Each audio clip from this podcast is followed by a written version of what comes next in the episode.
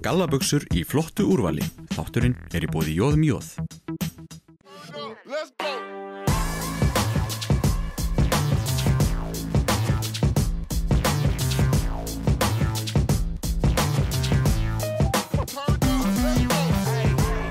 Já, komið sæl og velkomin í taktíkina, Íþróttaþátt landsbyðana.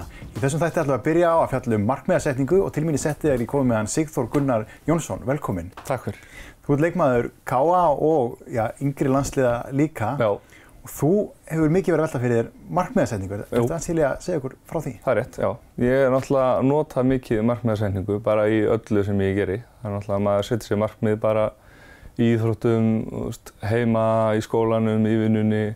maður fjármálum og öllu svona og þetta náttúrulega byggist allt bara á uh, draumi, eða skilur, þú veist, maður setur sér markmið við að hvað mann langar að gera og, og svo hefur ég verið að kafa aðeins dýpráni í þetta eins og með hérna, langtíma markmið og skamtíma markmið og, og hvað enginn er góð markmið og svo leið, sko. Setur þér þá háleitt langtíma markmið og svo minni markmið svona á leiðinni? Já, má segja það, að hérna, langtíma markmiðin eru svona stór og svo eru skamtífamarkmiðin svona lítil, svona eitt skref í átta langtífamarkmiðin. Langtífamarkmiðin, hvað, hvað er þau langt fram í tíman? Er þetta eitt árið eða eru við að tala um lengri tíma? Það er náttúrulega bara mjög mismunandi, þú veist, ég er náttúrulega með í rauninni mörg langtífamarkmið og svona drau, stóri draumurinn er kannski svona 10-15 ári á bil og svo er ég líka með, langtífamarkmið sem að ná bara hálft ár fram í tíman, þannig að þú veist, þetta er alls konar.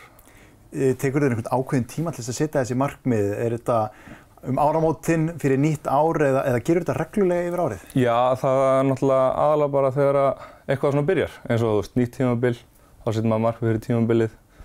Uh, nýtt ár, þá setur maður kannski markmið fyrir fjármálinn. Uh, ný önn, þá setur maður markmið fyrir skólan. Þannig að það fyrir alltaf eftir því. Akkurat. Skrifar þessi markmið niður eða hvernig heldur þú utanum þetta? Já, ég skrifa niður. Bæði gott að hafa því símanum og blaði bara og svo er maður alltaf með þetta í hausnum sko. og þetta hvetur maður áfram náttúrulega til þess að líka sjá hvert maður vil fara sko. Er ekki svolítið öðruvísi að setja þessi markmið uh, á íþróttavettvangi eins og sko, fjármálavettvangi eða veist, er, þetta, er þetta alltaf mjög svipað hvernig þú setur í markmiðin? Sko grunnurinn er náttúrulega í raun svona sami sko en jú, þetta er náttúrulega ekkert, ekkert það sama samt.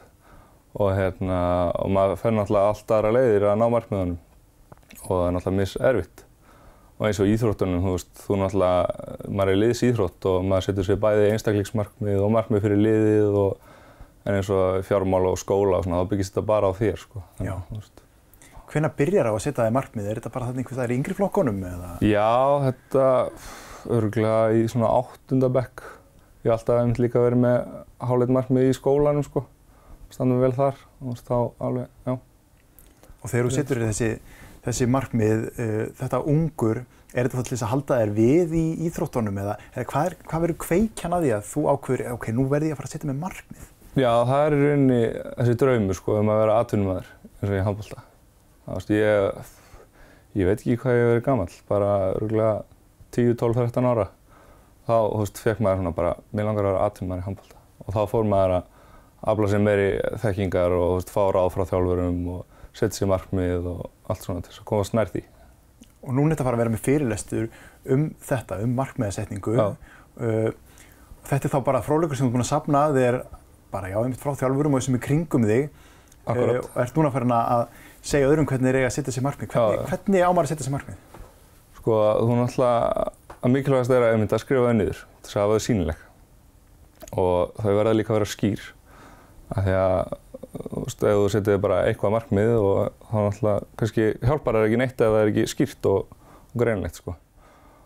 Og, og hérna, það er mjög gott að hafa tímasett, það er náttúrulega mismunandi eftir markmiðum, þú veist, stundum bara getur ekki ákveðið tíman en þá náttúrulega setur á þau pressu sko og það er gríðarlega mikilvægt að þau séu hvetjandi. Já. Það er náttúrulega auðveldar allt, allar ákvarðanatökur og allt svona sko, allar fórninar og allt það. Er þá ekki ymmið þessi skamtíða markmið á leiðinni svo mikilvæg að þú ert að sjá að þú ert að ná markmiðunum? Já, akkurat. Í staðan fyrir að setja þig kannski bara eitthvað eitt stórt markmið, ég ætla að komast í Nákvæmlega. og svo ertu alltaf að keppast að því og þú nærði aldrei Nei, svo akkurat, rosalega hálegt. Akkurat. Já, þú verður reynd að setja þér sko, fullt af skamtíma markmiðin og það er líka svo frábært, gefa mér svo mikið kraft sko, alltaf að ná einu og einu markmiði. Sko. Og eru þessi markmið þá eins og bara fyrir hvern og einn leik eða setur það fyrir hverju eina æfingu hreinlega? Já, ég hef ekki farið svo djúpt sko að taka hverja æfingu en maður setur sér einmitt alltaf markmið fyrir leik og kannski fyrir viku og veist, allt svona æfingar, mataræði. Og, og þetta hefur skilað þér árangri? Já, þetta hefur gert það. Ég er bara ánægð með hvað ég er núna og stefnið en þá herra. Þú ert komin, þú ert byrjað að spila fyrir yngri landsliðin og, og myndur þú segja að þetta væri svona ákveðin líkill að því að þú komst þangað? Já, það má alveg segja það. Ég held það. Og næsta skref er þá A-landsliðið eða, eða hvað? Já, alhanslið eða aðtunumesska. Það er náttúrulega, maður stefnir hátt sko. Það eru svona stærri markmiðin. Ertu til í að, að fjúpa eitthvað svona einhver önnur markmið þér núna?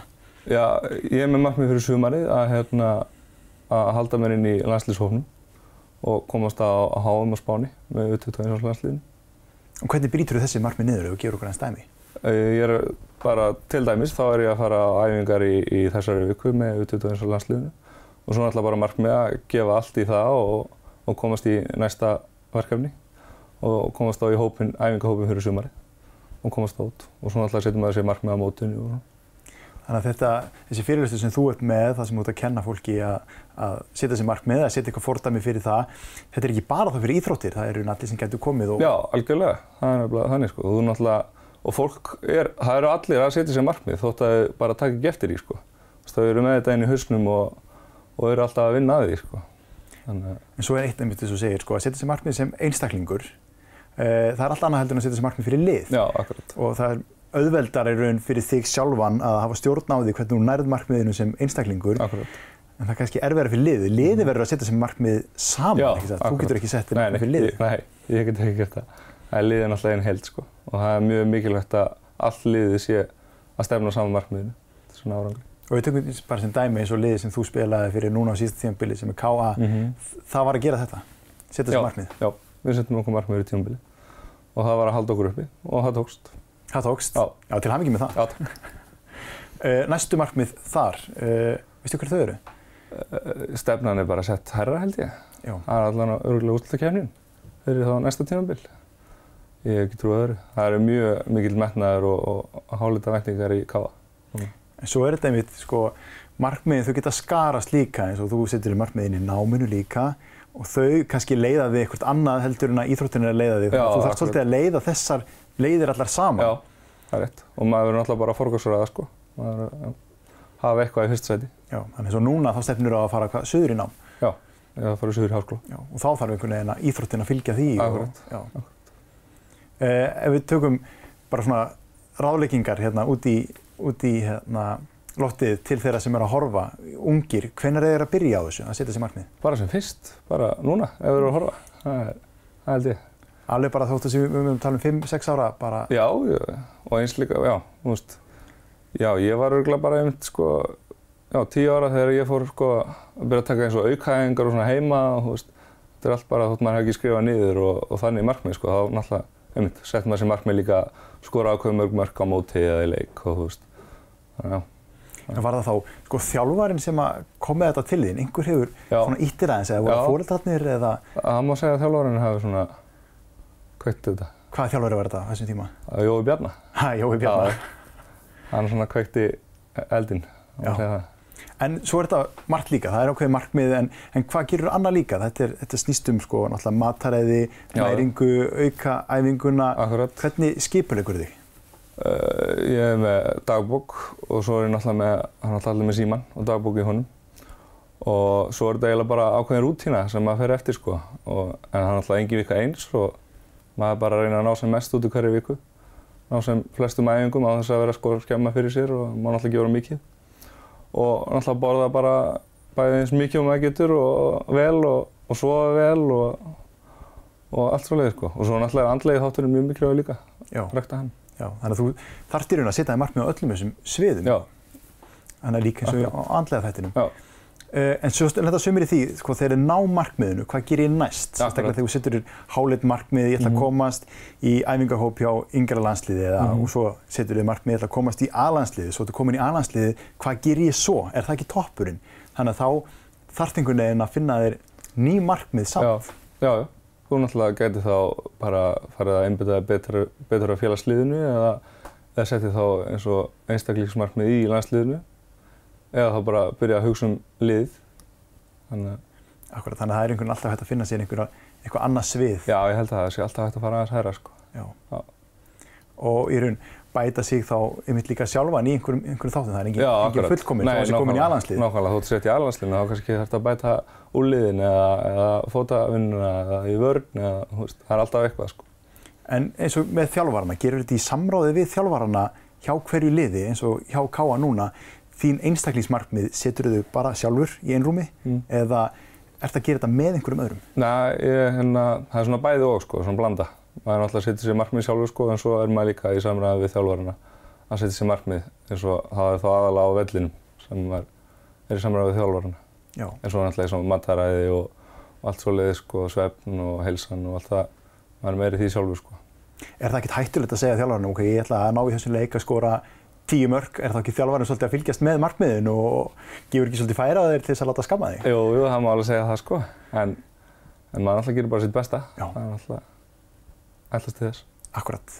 Sigþór, takk kærlega fyrir komuna í settið og kynna fyrir okkur markmiðasetning. Takk hérlega fyrir mig. Þú maður taka okkur smá auðlýsingar hér, hér, það verður stutt, ekki vera langt. Komdu og sjáðu vorlínuna frá Bertóni. Þátturinn er í bóði Djós. Gallabuxur í flottu úrvali. Þátturinn er í bóði Jóðum Jóð. Let's go.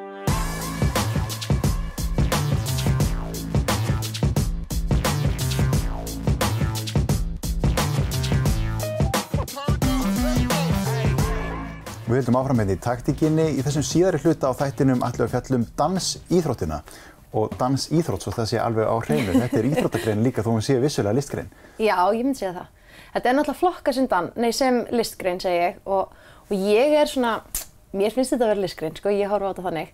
En ég, þú þarft samt að vera mikill íþróttamæður til að geta verið dansari. Ég held að geta allir verið saman um það sem að hafa eitthvað vita á dansi.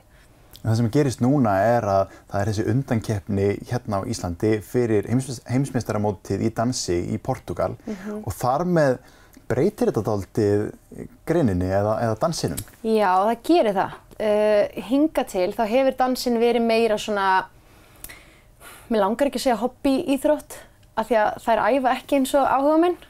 Uh, en, en vissulega það hefur ekki verið neitt annað en kannski síningar og þess að það er en ekkert svona engar keppnir. En, en það breytir svolítið núna. Búið að setja saman landslið og, og þurfti að keppum um hérna, sæti í, í því liði og, og áfara á heimsmeistaramót. Og þið Dansstúdíu Alice, það gekk nú ágætlega hjá ykkur. Já, við fórum með hérna, nýju atriði í undakeppnina og átta komast áfram. Þannig að það er ótrúlega skemmtilegt. Og bara mikil viðkenning fyrir þessar stelpur sem að æfa alveg eins og brjálæðingar og eiga þetta innilega skilið. Þannig að allt í einu núna, bara þessu ári, ert þú komið með þarna átta atriði í skólanum sem er að æfa þess að fara út að keppa á heimsmyndaramótið. Þetta er já, allt, allt annað sem að, allt aðrar æfingar sem þurfa að fara fram núna. Þetta er kannski svona meiri bara aukaæfingar, myndi ég segja. Það er náttúrulega að halda alveg sínu strikki og, og æfa eins og það eru vanar en það kannski bætist ofan á náttúrulega álægið til að æfa atriði sín fyrir mótið og fram og þær þarf að fara út með sömu dansa og þær kefti með í undankeppni en það náttúrulega má alltaf skerpa og, og laga og reynsa og svona. Akkurat. En svona ef við hugsaum þetta aðeins lengra því að það er lítill aðdraðandi að þessu móti, núna er þetta komið og vonandi til þess að vera, þannig að eru þið kannski farin að hugsa eitthvað fram í tíman, næstu skref og, og hvernig þið sendið þá atrið á næsta ári? Já, algjörlega. Um, þetta náttúrulega var rosalega lítill undirbúningur núna og mjög stuttu tími og ég fekk mikla hjálp frá Ingi Björgurún og Unnönu. Þær tók að sér að semja helmingina atriðanum og ég var í leiksýningu á sama tíma þannig að þær æfiðu atriðin mín líka og sildu sér svolítið höfn með mér. En núna þá náttúrulega bara vitum við, við höfum ár og, og þá er tími til að undirbúið sig aðeins betur og, og setja aðeins betur upp hvað við viljum gera, hvað við viljum fara með mörg atriði og höfum miklu, miklu meiri tíma til að æfa þau. Og það er líka hinni dansskólanir, þeir hafa líka þennan tíma þannig að það má alveg búast við því að, að þau komi með ennþá sterkari atrið á næsta ári.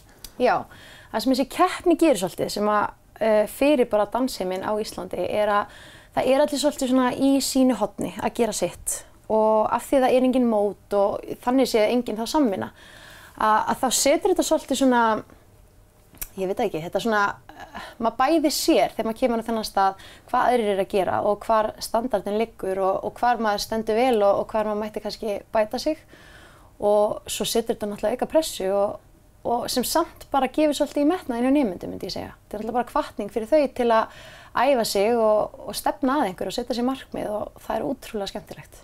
Akkurat, þetta er kvartning fyrir þau að því að nú eru yðkendir í þessu á mismunandi fórsendum, sumi koni lengra en aðrir og fyrir þess að sem eru komni lengra sem vilja fara einhver svona afreiksleið í dansinum, þá Já. er þetta akkurat leiðin. Já, þetta er ein leið og það er náttúrulega, það er bæði hægt að fara, það er svolítið, dansin skiptist svolítið í ýmsar áttir og það er hægt að fara þessa keppnisleið sem hefur ekkert verið rosa stór á Íslandi en er mjög stór út í heimi og svo er hægt að fara hína leiðina og, og verða bara þáttakandi í einhverju kompaníi og, og fara svolítið þá leiðina sem er svolítið svona kannski listrætni take á dansin. Ok, þetta, þetta spilar ekkert mikið saman eða hvað? Jú, öruglega og það er náttúrulega krakkar, ég þekki alveg krakkar sem ég lærði mig úti sem að voru keppnisdansari þegar þeir voru yngri og svo setna mér fóru þau í hinn áttina. Þetta er náttúrulega frábæð grunnur. Já. Þegar maður hugsaður um, og kannski fleiri en ég, um keppnisdans, þá sér maður fyrir sér samkvæmisdansa. Við erum ekki að tala um svoleiðisdansa hér. Nei, þetta er listdans og það er nefnilega svolítið munurinn að því að þegar við hugsaum um dans sem íþrótt þá hugsaum við um samkvæmisdansa að því að það er alltaf keppt í samkvæmisdansum. En listdansin er náttúrulega listgrein og, og það er ekkert rosa mikið verið að keppa í list, allavega ekki svona eins og við þekkjum í íþróttunum. Þannig að þetta er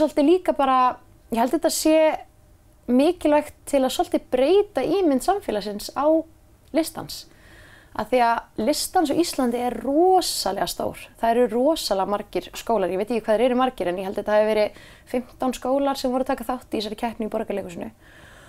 Og sem er náttúrulega bara að því þið gríðalegur fjöldi dansneymynd á Íslandi. Og dans er rosa stór en samt einhvern veginn er, uh, já, einhvern veginn ímynd samfélagsins á dansin er samt svolítið svona gömul.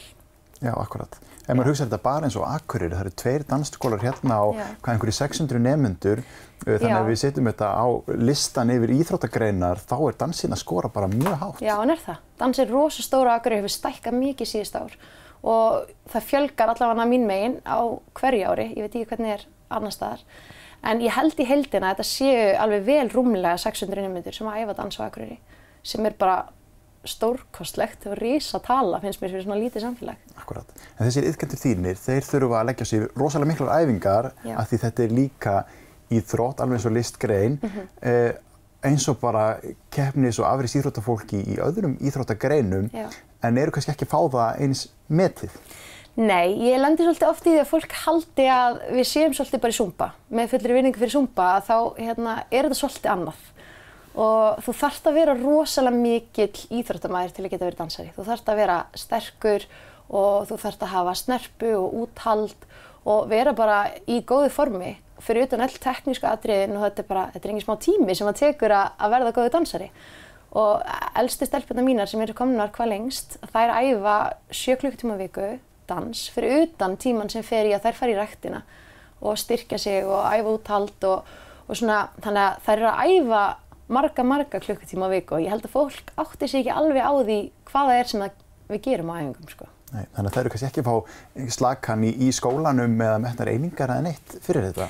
Nei, uh, þetta er rosa heit umræða meðal nefnda og hefur verið síðustu ár í dansinum að hérna, ef þú ert í verkmyndaskólanum þá getur þú fengið dansinn metin í staðin fyrir íþróttir og hefur verið bara, ég fekk það metið þegar ég var í verkmyndaskólanum, það er tíu ár síðan ég útskrifaðist. Þannig að, en í mentaskólanum þá er þetta ekki hægt og ég hef aldrei verið í beinu samtali um mentaskólan um þetta en, en hérna, mér skilst að þetta sé vegna þess að dans er ekki innan ISI og, og er þá ekki íþrótt. En mér finnst þetta samt svolítið komin tími til að hugsa um, veist, hvað er íþrótt og hvað erum við að gera kröfu um. Uh, að því að, ég, já, ég bara eiginlega býð alla kennara bara velkomna á æfingu til að sjá hvað fer þar fram. Og ég veit að það eru kennararna sem vita nákvæmlega hvað er að gerast þarna og vita hvað þessar stelpur eru miklu íþróttamenn. Þannig að, en ég veit ekki hver það er sem setur reglunar, en það er kannski komin tími til að hugsa aðeins fyrir út, út fyrir kassan í reglugerðinni þannig, sko. Akkurat, það verist ekki vera þá viðkend íþrótt nefnum sé innan ISI og maður velti fyrir Nei. sér af hverju það sé endilega staðallin á því að þú þurfur að vera þar inni og maður velti líka fyrir sér að því þetta er líka listgrein og listgreinar ættu náttúrulega líka að vera metnar að manni finnst Já. eh, til eininga. Algjörlega. Þarna býður upp á bæði þannig að það er kannski spurningum þetta að fara, fara að hugsa dansin aðeins öðru sí. Já, mér finnst það og ég hef stundum heyrt samanbyrðin við að þú veist, geta þá ekki bara þeir sem hafa crossfit farið að fengi það metið sem íþróttir og þú veist, það er kannski eitthvað sem ætti að skoða en þannig er þetta svolítið öðruvísið, þannig er þetta með skipulegt, veist, íþróttastarf og veist, við tökum mætingu í hverjum einsta tíma og það er skildumæting. Þetta er ekki, þú mætir bara ekki þegar þið er hendar eins og gerir í crossfit. Þannig að þetta er svolítið annað, mér finnst mig að skoða þetta aðeins með öðrum augum. Akkurat. Eh, Þá næstu skref hjá ykkur eru kannski mitt að reyna að koma þessu meira að og, og gera þetta meira sínilegra að þetta sé þessi íþrótt sem þetta er og ég var nú að tala við yfgöndur hjá þér sem er að fara að keppa hana úti og þau voru að segja að það er samin hérna dans en svo eru sett að því líka kröfur um Já. að ég geti gert þessi stökk og þetta og hitt sko þannig að ég þarf alltaf að fara að taka mig á og Já. fara að æfa stíft til þess að geta uppfyllt þessa kröfur. Algjörlega. Og það er, það er gera það. Það er að æfa mjög mikið og það er bara oft í viku sem ég er bara, wow, þið er geggjaðar. Það er, það er stutt að koma mér óvart og það er að því að þær hafa svo mikið vilja og svo mikið metnað til að bæta sig og verða betri og þær hafa svo mikið áhuga og það er svo gaman að kenna þeim að ég hlakka ótrúlega mikið til að fylgjast með. En það er svona svolítið það sem þessi keppni gerir er að hún hjálpar svolítið til við þetta að opna svolítið umræðina um dansinn á Íslandi og svolítið svona, já, eiginlega bara kveikir svolítið á umræði sem að kannski var skortur á.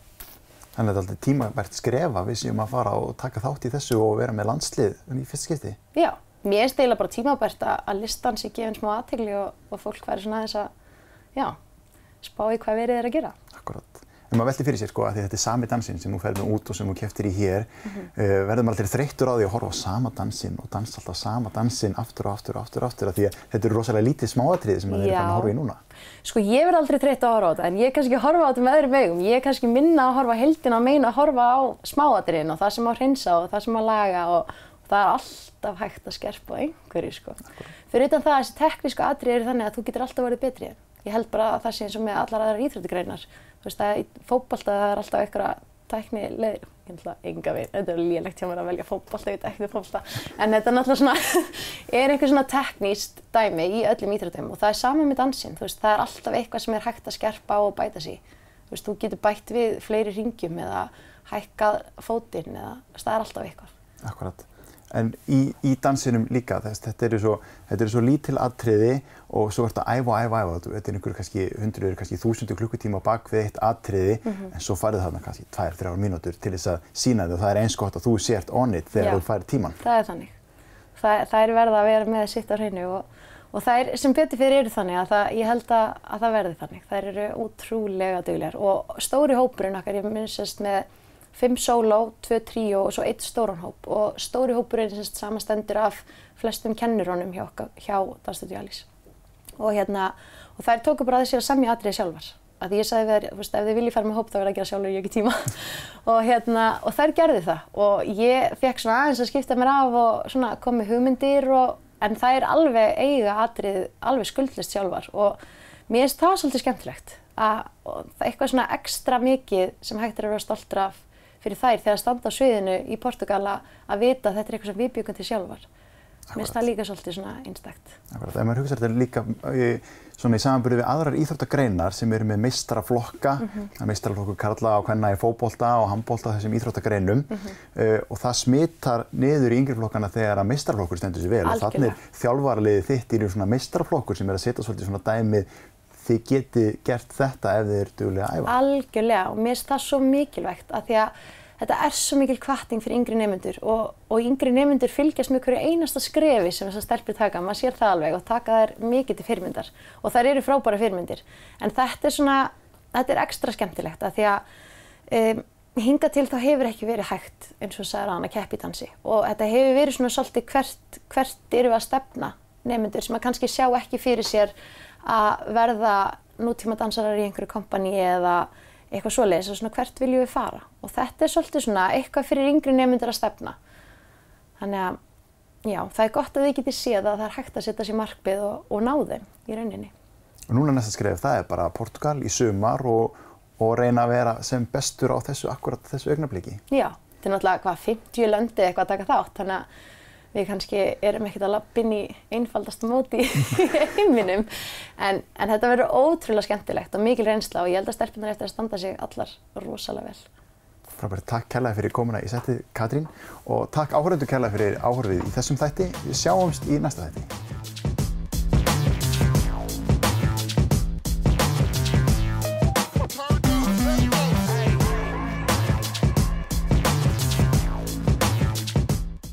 Komdu og sjáðu vorlínuna frá Bertóni. Þátturinn er í bóði dý. Þátturinn